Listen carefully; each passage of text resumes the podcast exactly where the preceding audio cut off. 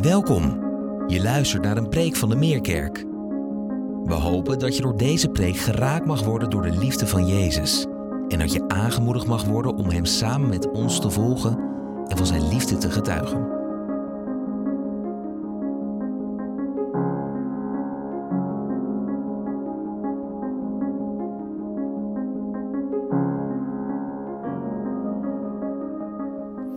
Goedemorgen. Wat heerlijk om hier uh, vandaag te mogen zijn bij jullie. Het is pas uh, de tweede keer dat ik hier ben, maar ik voel me echt uh, erg verbonden met jullie. Vanuit mijn vriendschap met Remy wisselen we vaak uit over wat er speelt bij ons in de gemeente en hier. En afgelopen maanden zijn zowel Remy als Patrick ook bij ons komen preken. En toen Patrick bij ons sprak, toen vertelde hij onder andere ook heel veel over wat God hier aan het doen is. Over alle mensen die tot geloof komen vanuit de Basic Fit, vanuit de Alpha. Ja, dat verhaal, oh, dat hebben jullie al honderd keer gehoord. Maar ik zat daar echt met tranen in mijn ogen. Uh, omdat het zo diep raakte aan een verlangen ook van mij om mensen tot geloof te zien komen. En ook hoe jullie dat begeleiden, opvangen. Uh, is ook echt een groot compliment voor jullie en voor mij een enorme bemoediging. Uh, en ik hoorde ook net, jullie gaan bijna je veertigste jaar in. En toen ik aan het begin stond van mijn voorgangerschap, was ik ook best gespannen, zenuwachtig.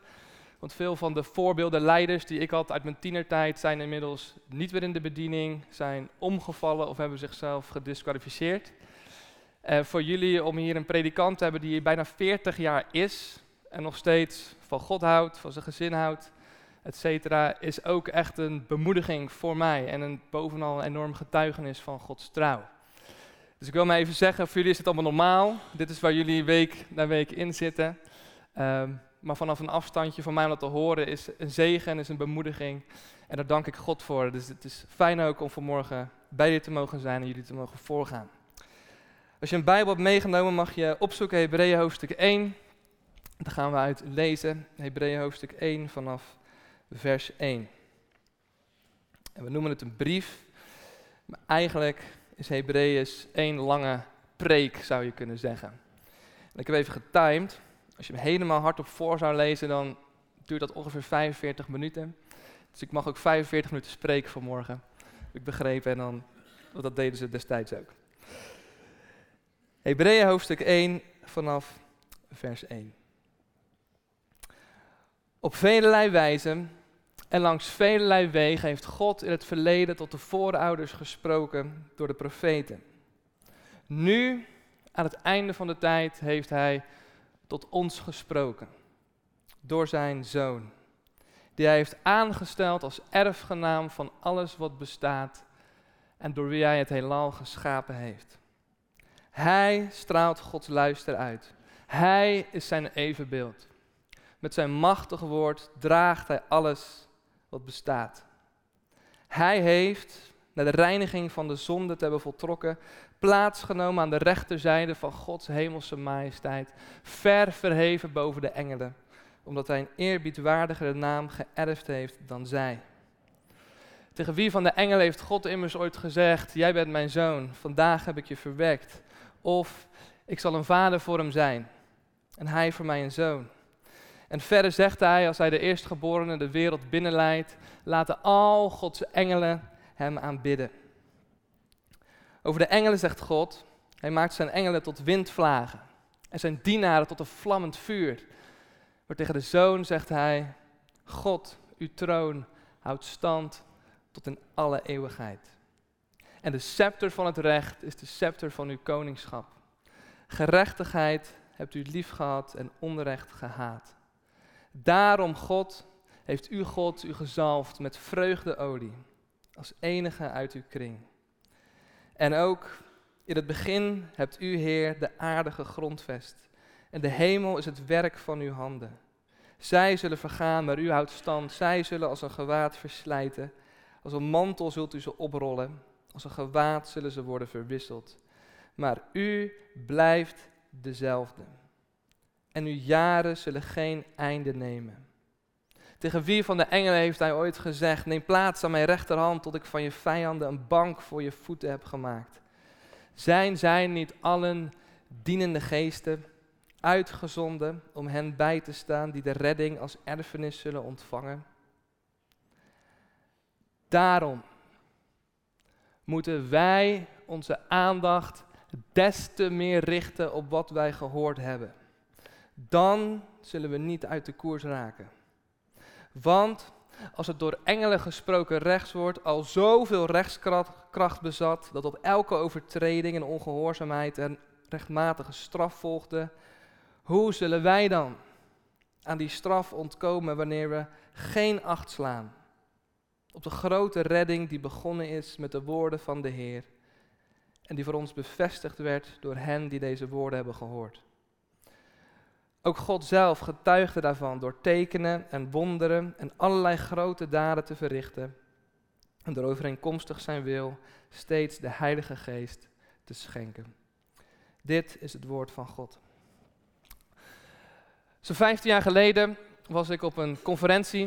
Het was de laatste dag, het was maandag. Ik was tiener en iedereen om me heen was druk aan het inpakken. En ik kon daar mooi onderuit komen, want ik was een heel geestelijk boek aan het lezen. Uh, en dat vonden ze wel fijn dat ik dat deed. En dat boek dat ik las, op de tweede bladzijde daarvan, stond een quote, een zin die mijn leven echt veranderd heeft. En die zin die luidt als volgt, hij komt hierachter op het scherm, een boekje van A.W. Tozer. En hij zegt dit, als we ieder mens een volledig antwoord zouden kunnen ontfutselen op de vraag, wat komt u in gedachten wanneer u aan God denkt, dan zouden we met zekerheid de geestelijke toekomst van ieder mens kunnen voorspellen. Mondvol, maar met andere woorden, het belangrijkste aan jou is wat jij denkt als jij aan God denkt. Ik heb je vorige zomer ook wat over gezegd, maar hoe jij kijkt naar God, hoe jij kijkt naar Jezus, dat bepaalt, kleurt, stuurt alle andere dingen in je leven. Want hoe je kijkt naar God, hoe je kijkt naar Jezus, dat bepaalt je wereldbeeld, dat bepaalt je mensbeeld. En vanuit je godsbeeld stromen ook alle andere dingen. Het belangrijkste aan jou is wat jij denkt als jij aan God denkt. En sinds ik dat las, is een van de belangrijkste drijfveren voor mij in mijn voorgangerschap, in mijn spreken, is mijn diepe hunkering, verlangen dat als we de Bijbel open doen, als ik spreek, dat je diep onder de indruk raakt van de grootheid en de majesteit van Jezus. Dat je hier zit vanmorgen, dat je iets gaat zien van zijn grootheid, heiligheid en schoonheid. En ik ben benieuwd vanmorgen, als je denkt aan Jezus, wat komt er dan bij jou in gedachten? Welke teksten, beelden, gevoelens roept hij bij je op? Een van de missionaire activiteiten die wij mogen doen als gemeente is, we hebben een buurthuis, wat we mogen runnen op zaterdag. En daar komen wij ook wel eens en dan mogen we allemaal gesprekken voeren. En laatst sprak ik met iemand en die wil zich graag inzetten voor een rechtvaardige samenleving, voor een eerlijke wijk bij duursteden. En prompt plakt hij erachteraan, want onze Heer was natuurlijk ook een socialist, toch? Dus die had alvast even bedacht dat Jezus ook wel helemaal goed paste in zijn straatje. Iemand anders waarbij ik langs ging, die zei, ik zie Jezus als iemand die ik om hulp kan vragen als ik het niet zie zitten. Maar wat hij verder met mijn leven te maken heeft, dat is me eigenlijk echt niet helemaal duidelijk. En afgelopen zomer luisterde ik een podcast van de bekende tv-maker Tim Hofman. En die zei dat hij Jezus wel een leuke man vindt.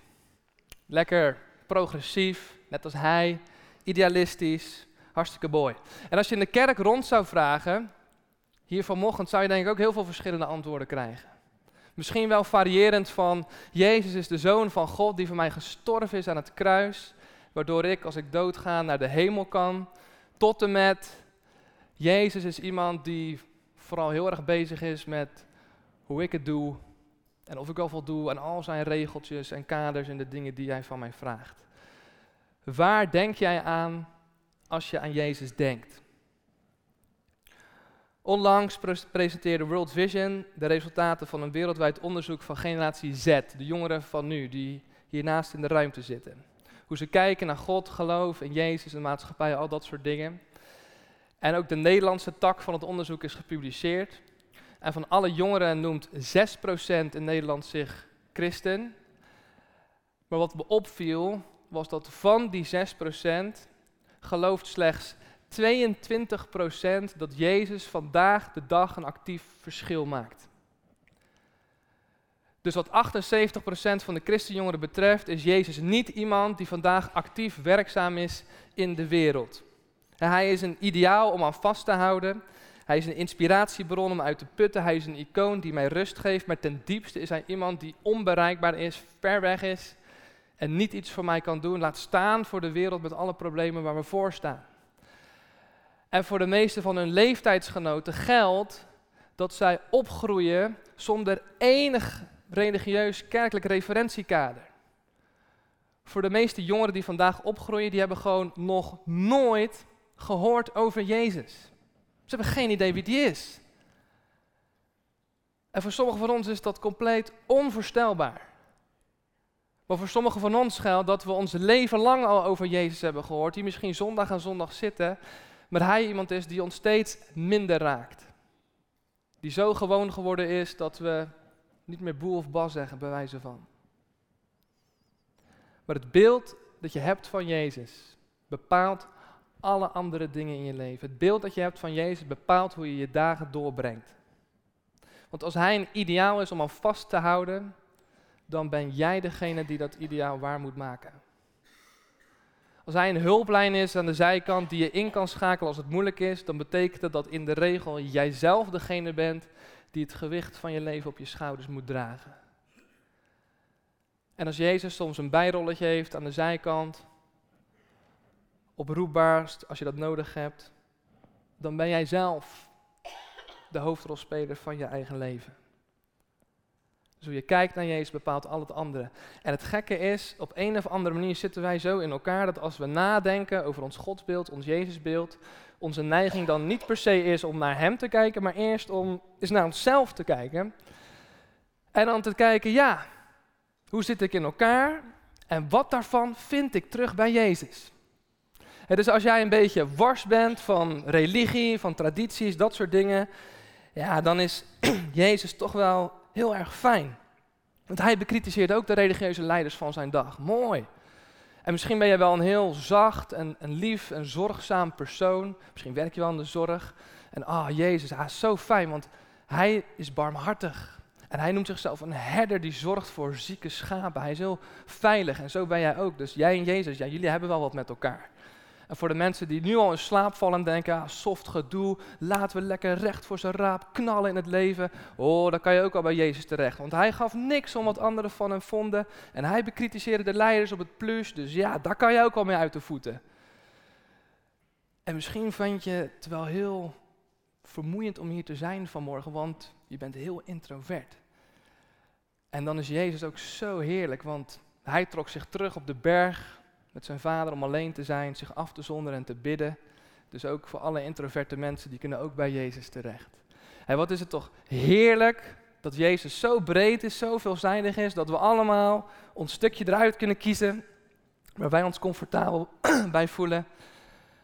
En de rest, ja, nou, dat is er ook, maar dat poetsen we dan wel een beetje weg. Of dat laten we een beetje links liggen. En wat je krijgt, is een Jezus die opvallend veel op jou lijkt. En in plaats van dat wij meer en meer gaan lijken op Jezus, gaat Jezus steeds meer lijken op ons. En weet je wat er gebeurt? Als we Jezus naar ons eigen beeld maken en aanpassen, als we Jezus voorschrijven hoe hij moet zijn en hoe hij moet handelen, dan gebeuren er altijd een paar dingen. En het eerste is dat we altijd Jezus klein maken. Op een of andere manier neigen we er altijd naar om Jezus te reduceren, in een malletje te drukken, het liefst tot hanteerbare proporties, een soort werkbaar model waar wij mee uit de voeten kunnen. En ons eigen ego, wat niet groot genoeg kan zijn, zal van nature altijd proberen om Jezus klein te maken. Maar het tweede wat daardoor gebeurt, is dat als we Jezus klein maken, als Jezus eigenlijk heel klein is, heel ver weg is, heel afstandelijk is, de achtergrond raakt, dan komen er andere dingen in ons leven die wel belangrijk zijn, die wel urgent zijn, die wel op de voorgrond komen. He, stilstaan bij Jezus en zo'n Hebreeënbrief, ja, dat is zo abstract, zulke verheven taal, kan er toch niet bij, het gaat over mijn hoofd heen. Maar de boodschappen die ik straks nog moet doen. De planning van deze week, het idee dat de kinderen straks weer naar school gaan. Of dat je misschien toch nog op vakantie moet omdat het zo slecht weer was geweest. Dat is wel belangrijk. Dat houdt je wel bezig. Daar zou je bij wijze van spreken wel s'nachts van wakker kunnen liggen. En ik heb me afgevraagd afgelopen week, hoe kan het toch dat de dingen in mijn leven die, waar ik me zo zorgen over kan maken, die soms zo vluchtig zijn, dat die al mijn energie wegvreten. En dat de eeuwige waarheden over Jezus, die heel mijn bestaan omringen, zo ongrijpbaar zijn en zo soms niet matchen met hoe ik morgen de maandag weer beleef. als Jezus klein wordt, worden de andere dingen groot. Maar het derde wat gebeurt met bekrompen beelden van Jezus, is dat ze niet alleen Hem klein maken, andere dingen groot, ze maken ook jou klein. Want met een kleine Jezus krijg je kleine verwachtingen. Met een kleine Jezus ben je heel vaak een speelbal van hoe het leven zich dan ook maar aandient. Een leven dat opgedeeld raakt in hokjes en vakjes. En op zondag doen we even het Jezus-luikje open. Misschien ook nog wel op de kring. Maar dan, dan gaan we het echte leven in. Want dat is reëler en tastbaarder dan dat we hier doen op zondag. En juist omdat ons zicht op Jezus zo klein is, wordt al het andere groot. En we weten allemaal, alles wat je aandacht geeft, groeit. Je wordt altijd wat je ziet. Jouw leven wordt grotendeels bepaald door de context waarin je je beweegt, door je mentale frames, de mensen met wie je leeft bepalen grotendeels hoe je leven vormgeeft. Wat je kunt bereiken, hoe goed je kunt worden. Je wordt altijd dat wat je ziet. Of bijbels gezegd, je wordt dat wat je aanbidt. Dat wat je je tijd, je aandacht, je geld en je energie geeft. En als, een, als je een kleine Jezus hebt, die eigenlijk jouw focus en aanbidding en bewondering niet waard is, dan zijn er heel veel andere dingen die graag die plek willen innemen. Met als gevolg dat ook jij zelf klein wordt. En dus is het belangrijkste aan jou wat jij denkt als jij aan God denkt. En hoe zou het zijn als ons zicht op Jezus meer gaat corresponderen met wie Hij werkelijk is? De schrijver van de Hebreeënbrief, die schrijft ook aan een groep mensen die soms kleine bekrompen Jezusbeelden hadden die Jezus echt hadden leren kennen, wisten wie die was, maar ook de neiging hadden om op een of andere manier toch af te glijden of terug te gaan naar een oude leven of de dingen te doen zoals ze die altijd gewend waren om te doen. En de schrijver van die brief wil maar één ding en dat is om jou onbeschaamd, vol overgave te laten zien hoe groot, hoe heilig, hoe heerlijk, hoe onweerstaanbaar machtig Jezus Christus is. En dat doet hij door met de eerste vier versen van de brief dat is één lange zin in het Grieks om gelijk een soort openingssalvo ter ere van Jezus af te vuren. En die eerste vier versen van die brief zijn de hartslag die door de hele brief heen klopt. En continu dreunt het door de Hebreeënbrief. Jezus is beter. Hij is beter dan de tempel. Hij is beter dan Mozes. Hij is beter dan het oude verbond. Hij is beter dan wat dan ook. Hij is zo geweldig. Jezus is beter. En hoe doet hij dat voor ons? Door in die eerste paar versen allereerst de dimensies van de tijd open te breken. De schrijver die begint en hij zegt, op velelei wijze en langs velelei wegen heeft God in het verleden gesproken. Wauw! Daar kan je bij wijze van spreken al even stoppen. Want dat zegt ons A, God bestaat. En B, God heeft zich doen laten kennen. En wil je God leren kennen? Ren naar buiten, Zie de schoonheid van de natuur, want daarin zie je Gods hemelse majesteit. Maar God heeft zich niet alleen laten zien, God heeft ook gesproken. Hij heeft gesproken door de profeten, door geschriften, door symbolische handelingen. Adembenemend. De hele spannen van het Oude Testament, van Mozes tot Malachi, God heeft gesproken. Fantastisch. Maar, zegt de schrijver, maar nu, nu is er iets wat alles wat hier vooraf aangegaan is, apart zet. Namelijk, God heeft tot ons gesproken door de Zoon. En met Hem is de tijd als het ware gereset. Met hem is een nieuwe tijd begonnen, het einde van de tijd. En alles wat eraan vooraf ging, dat was anders. Daarom leven we vandaag in 2023 na Christus. Hij is het middelpunt van de tijd. En wie is dan de zoon? De schrijver zegt allereerst, vers 2, hij is de erfgenaam van alles wat bestaat. Dat is de eerste monumentale waarheid die hij geeft. Jij zegt, Jezus Christus is het einddoel van alle dingen. Hij is de slotsom van de schepping. Alles wat bestaat, alles wat je ziet, alles wat je kan voelen, bestaat er omwille van Hem. Hij is de eigenaar, de owner, de heerser van alles. Hij is het eindpunt van de reis die we de geschiedenis noemen. Alles komt uit bij Christus. En elke knie van de machtigste mens tot de meest onbeduidende persoon zal op de laatste dag buigen voor Hem. Waarom? Omdat God Christus heeft aangesteld als erfgenaam van alles. Nou, lijkt er niet echt op, hè? Als je naar de wereld kijkt. Fijn. En toch, we zien nu Jezus, zegt de schrijver, op een dag zal alles aan hem onderworpen zijn. Hij is het eindpunt. Waarom bestaan wij? Wij bestaan omwille van hem. Jij en ik bestaan vanwege de glorie van Jezus. Waar loopt heel ons leven op uit? Jezus. Hij is het einddoel van alles. Maar de zoon is niet alleen het eindpunt, hij is ook het beginpunt. Hij is de schepper van alle dingen. Hij is niet het eerste wat God heeft gemaakt, maar hij is degene door wie God alles heeft gemaakt. Er komt niets voor hem, er gaat niets aan hem vooraf. Stel dat je terug kon kijken helemaal in de tijd en dan langs Jezus kon kijken, daar zie je niks. Want er is niets meer voor Jezus. Hij staat aan het begin van alle dingen. Alles wat bestaat, de oudste ster tot de eerste atoom, aan de start van alles staat Christus. Alles is door Hem en voor Hem en tot Hem geschapen. Hij is de eerste, de voornaamste, de belangrijkste. Het laatste Bijbelboek noemt Hem de Alpha en de Omega. Hij is het begin van alle dingen en Hij is het einde van alle dingen. En Hij is het begin ook van alle dingen in jouw leven. Want al de dagen van je leven staan in Zijn boek. En de Filippense brief zegt, als hij iets begint, dan zal hij dat afmaken en zal hij het voltooien. Alles valt tussen Christus die het begin en het einde is. Maar dat is niet alles. Want sommige mensen denken, ah dat is mooi, een stukje theorie. Het idee van God als een klokkenmaker die de boel opgebonden heeft en dan op vakantie is gegaan. Maar nee, want wat zegt de schrijver vervolgens ook? Jezus is degene die alles draagt. Met zijn machtige woord draagt hij alles wat bestaat. Vers 1, vers 3. Jezus is niet alleen start en finish, Jezus is altijd nu. Op dit moment draagt Jezus alle dingen. Houdt hij zeeën en oceanen op hun plek. Houdt hij de melkwegstelsels in de span van zijn hand. Leg je hand maar even op je hart vanmorgen. Voel hem kloppen. En blaas maar eens even goed uit. Zullen we het even doen met elkaar? Even. Het is Jezus die op dit moment de adem in jouw longen geeft.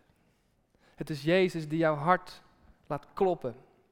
En om je even een plaatje te geven, twee maanden geleden dook deze foto op van Leonardo Sens. Na drie jaar lukte het uiteindelijk om dit beeld te pakken. Christus, het Christusbeeld in Rio de Janeiro, met Jezus met de maan op zijn schouder. Om te verbeelden, Christus is degene die elk gewicht kan dragen. Jezus houdt alles bij elkaar, van de grootste melkwegstelsels tot de kleinste cellen in jouw lichaam.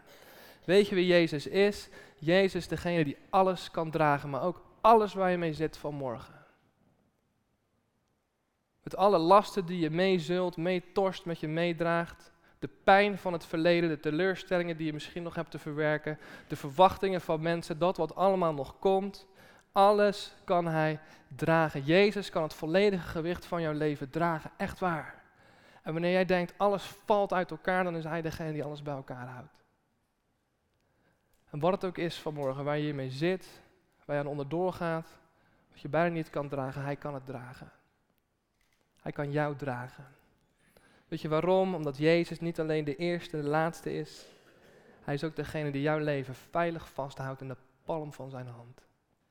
Want deze Jezus, zegt de schrijver, is niet alleen de eerste en de laatste, hij is ook de allerhoogste.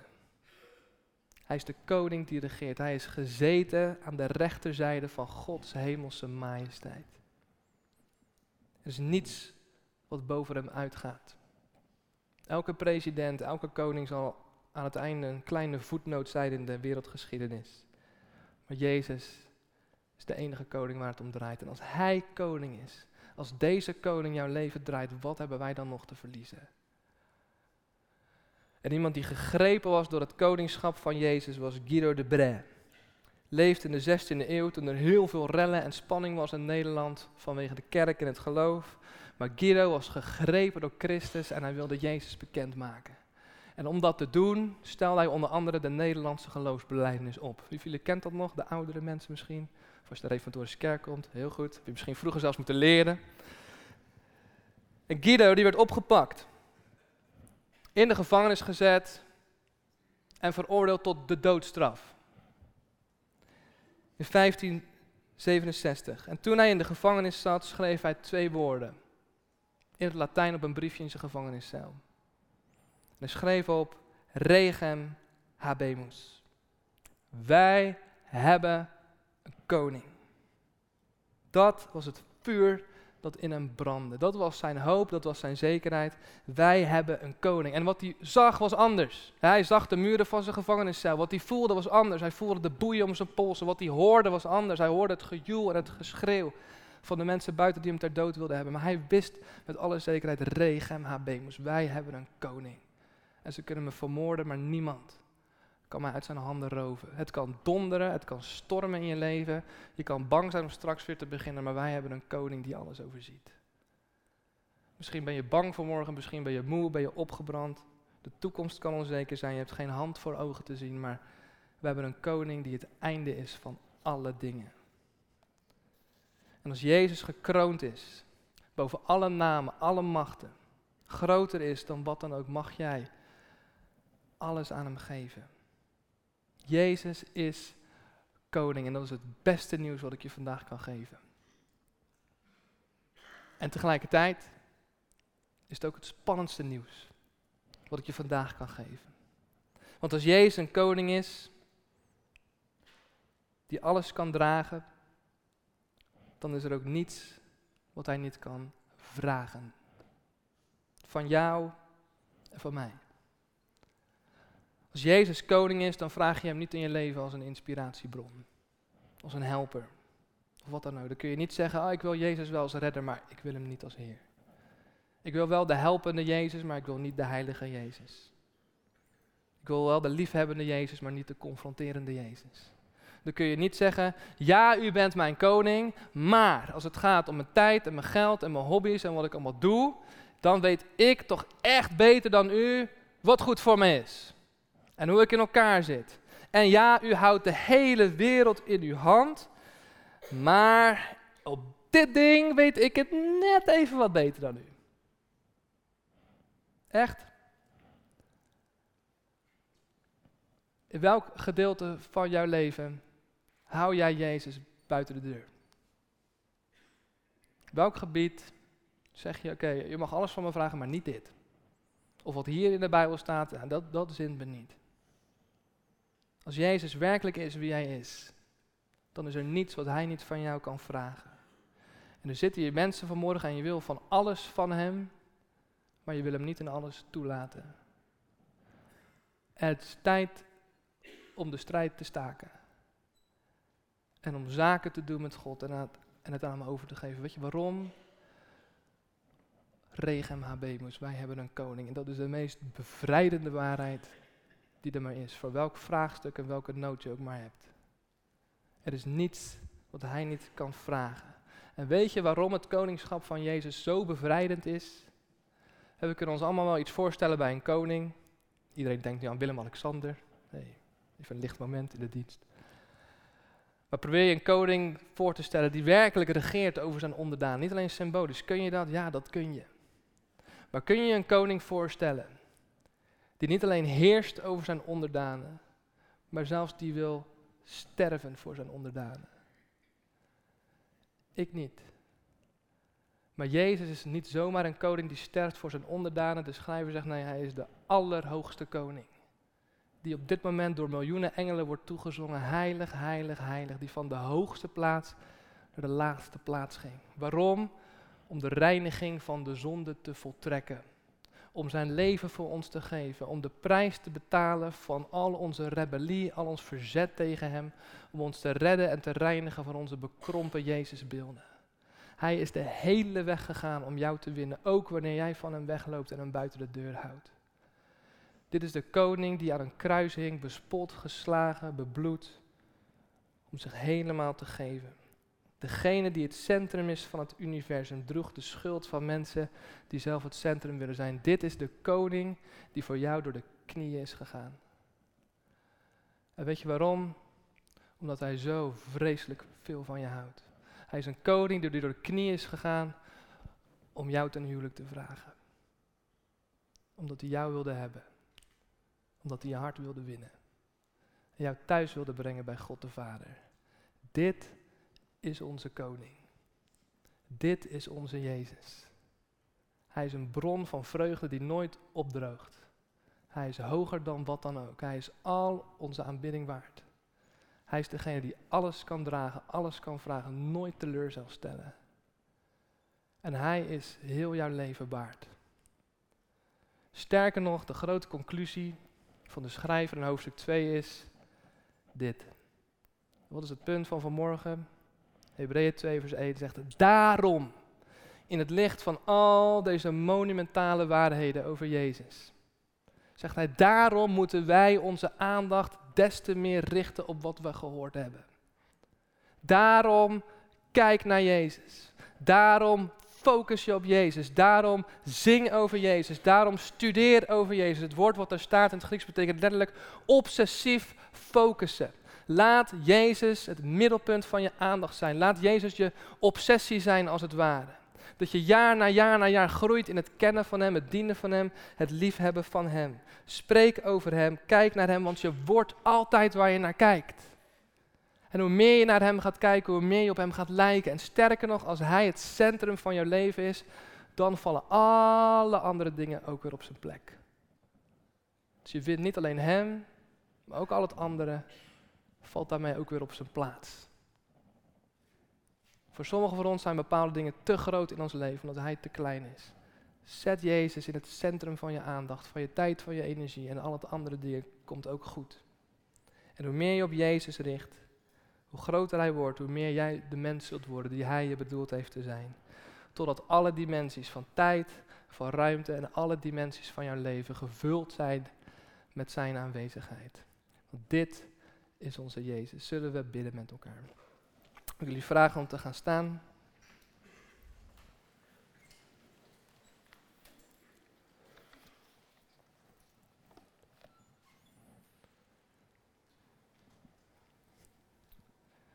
De bid Heilige Geest van God. Wilt u komen? Wilt u ons vullen op dit moment? Zodat we het gewicht mogen ervaren van de heerlijkheid van de Zoon.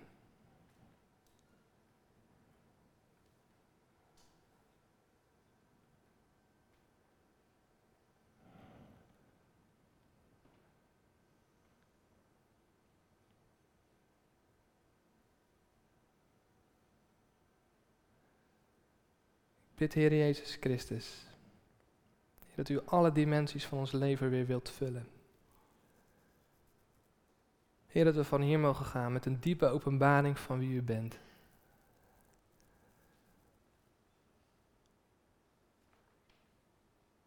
Heer, vergeef ons dat we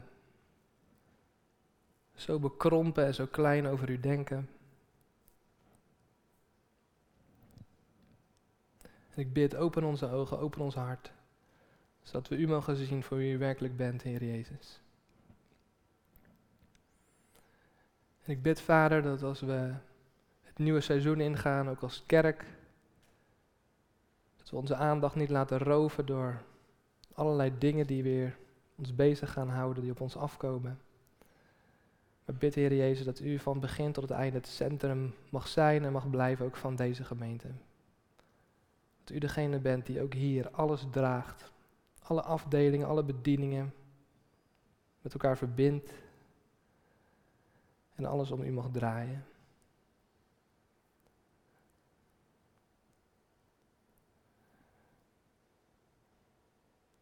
En terwijl we nog een moment stil blijven, wil ik je twee vragen voorleggen.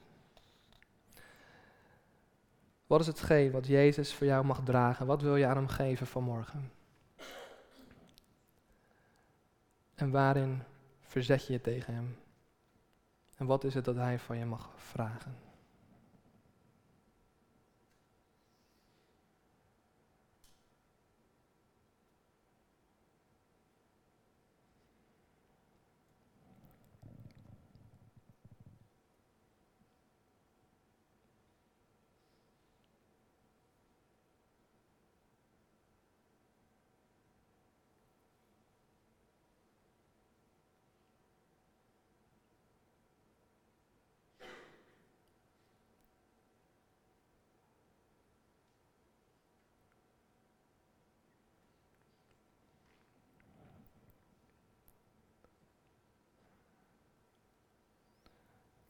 Dank u, Heer Jezus, voor uw genade, voor uw liefde, voor uw werk in ons. En dank u wel dat als u een goed werk begint, dat u het zult voltooien. En daarom kijken we vol verwachting en vol vertrouwen naar u. Amen.